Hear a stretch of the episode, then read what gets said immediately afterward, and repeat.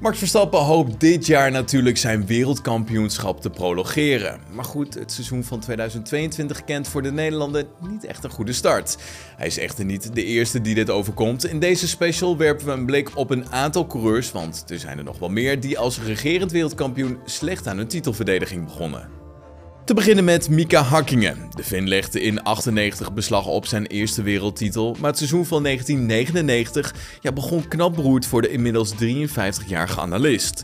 Tijdens het openingsweekend in Australië kwalificeerde hij zich met een halve seconde marge op pole position, maar tijdens de opwarmronde kwam hij met moeite van zijn plek. De race begon vervolgens goed. Na 12 ronden was hij namelijk al 20 seconden weggereden bij de concurrentie, maar tijdens een herstart achter de safety car staken problemen met de versnellingsbak de kop op.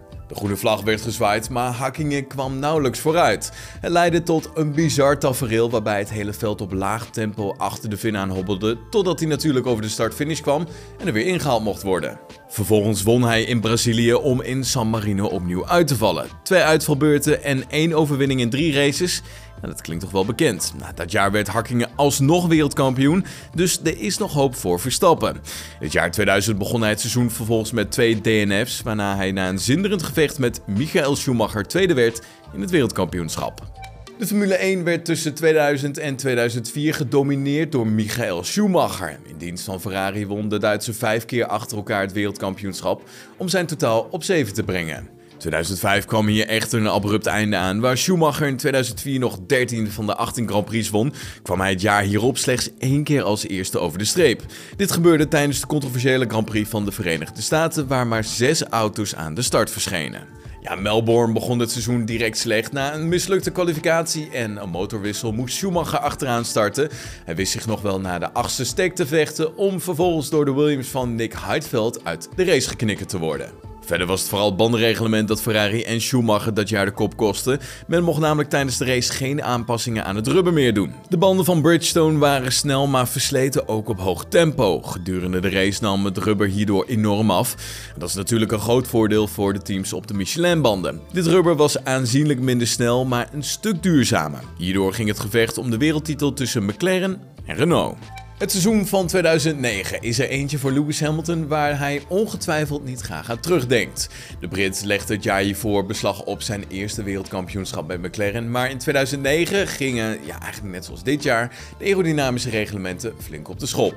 McLaren onderschatte de impact hiervan en werd overrompeld door een aantal teams die het seizoen van 2008 hadden opgeofferd om zo vroeg mogelijk aan de ontwikkeling van de nieuwe wagen te beginnen. Ja, dit was namelijk het jaar van de roemruchtige dubbele diffuser van het team van Braun. Naast het missen van de boot qua ontwikkeling werd het seizoen voor McLaren afgetrapt met een schandaal. Na een mislukte kwalificatie startte Hamilton in Melbourne als 18e, maar wist zich op indrukwekkende wijze naar voren te vechten.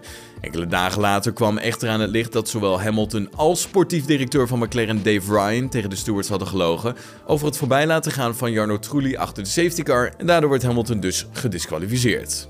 Tot slot in dit lijstje Sebastian Vettel. Vettel en Rebel Racing waren tussen 2010 en 2013 een onverslaanbare combinatie. De Duitser schreef vier keer achter elkaar het wereldkampioenschap op zijn naam, terwijl zijn team hetzelfde kunstje flikte bij de constructeurs. 2014 brak echter het hybride tijdperk aan in de Formule 1 en daarmee kwam er een einde aan de succesrace. Mercedes meldde zich als nieuwe dominante factor op het veld, terwijl Red Bull Racing kampte met grote betrouwbaarheidsproblemen aan de Renault-krachtbron. Daarnaast kon Vettel niet overweg met zijn auto. In Australië gaf zijn motor tijdens de training al de geest. Kwalificeerde hij slechts als dertiende en viel hij op zondag naar drie ronden uit met wederom een technisch probleem. Vettel wist het hele jaar geen enkele race te winnen en besloot aan het einde van het seizoen om naar Ferrari te vertrekken. Dat was hem dan de special van deze week. Heb je genoten van deze aflevering? Laat je horen via onze Apple Podcast pagina of vergeet ons niet te volgen op Spotify. Zie ik je morgen weer. Tot dan. Hoi.